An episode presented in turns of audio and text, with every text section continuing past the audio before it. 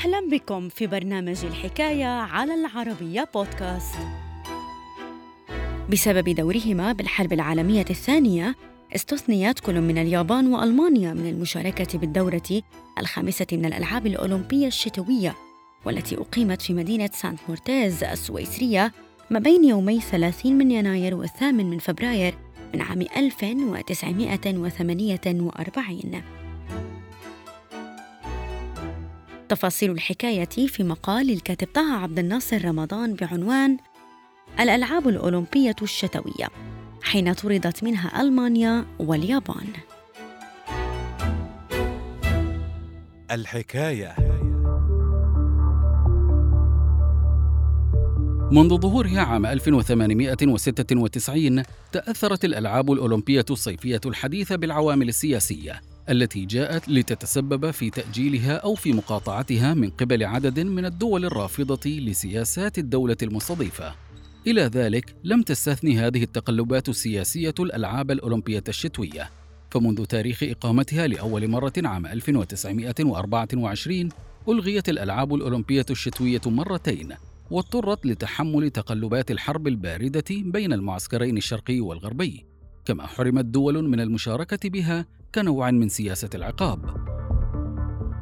عقب الألعاب الأولمبية الشتوية المثيرة للجدل عام 1936 والتي أقيمت بمدينة غارمش بارتنكيرشن بمنطقة بافاريا الألمانية أثناء فترة تميزت بإحكام النازيين قبضتهم على البلاد عاشت اللجنة الأولمبية الدولية بالدورة التالية على وقع حالة من التخبط بسبب القرارات السياسية والعسكرية اليابانية. فخلال السنوات السابقة منحت اللجنة الأولمبية الدولية شرف استضافة الألعاب الأولمبية الشتوية عام 1940 لمدينة سابورو عاصمة منطقة هوكايدو المصنفة كثاني أكبر جزر أرخبيل اليابان. عقب أحداث جسر ماركو بولو المفتعلة من قبل اليابانيين خلال شهر تموز يوليو من عام 1937 باشرت اليابان بعملية غزو الصين معلنة بذلك بداية الحرب الصينية اليابانية الثانية التي أسفرت عن سقوط ملايين الضحايا وانتهت بنهاية الحرب العالمية الثانية. إلى ذلك أثارت بداية الغزو الياباني للصين غضب العديد من القوى العالمية وعلى رأسها الولايات المتحدة الأمريكية وبريطانيا اللتين باشرتا بالضغط على الجانب الياباني لإنهاء النزاع.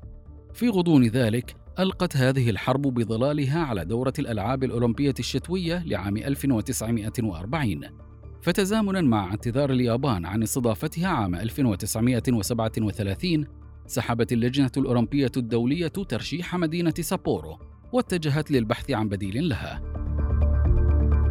بحلول ربيع عام 1939 وافقت اللجنة الأولمبية الدولية على منح مدينة غارمش بارتنكيرشن الألمانية شرف استضافة الألعاب الأولمبية الشتوية لعام 1940 للمرة الثانية على التوالي.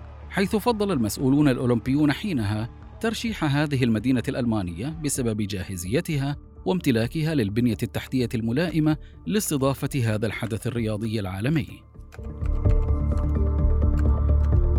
إلى ذلك ألغيت دورة الألعاب الأولمبية الشتوية التي كان من المقرر أن تجرى ما بين يومي الثاني والحادي عشر من شباط فبراير 1940 فقبل نحو خمسة أشهر أقدمت القوات الألمانية يوم الأول من أيلول سبتمبر 1939 على غزو الأراضي البولندية معلنة بذلك بداية الحرب العالمية الثانية التي استمرت لست سنوات وأسفرت عن سقوط 60 مليون قتيل.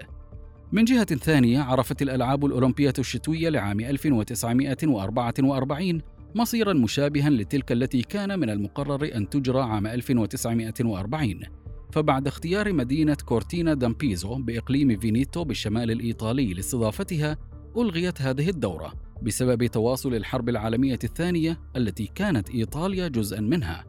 عام 1948 استضافت مدينة سانت موريتس السويسرية الدورة الخامسة من الألعاب الأولمبية الشتوية.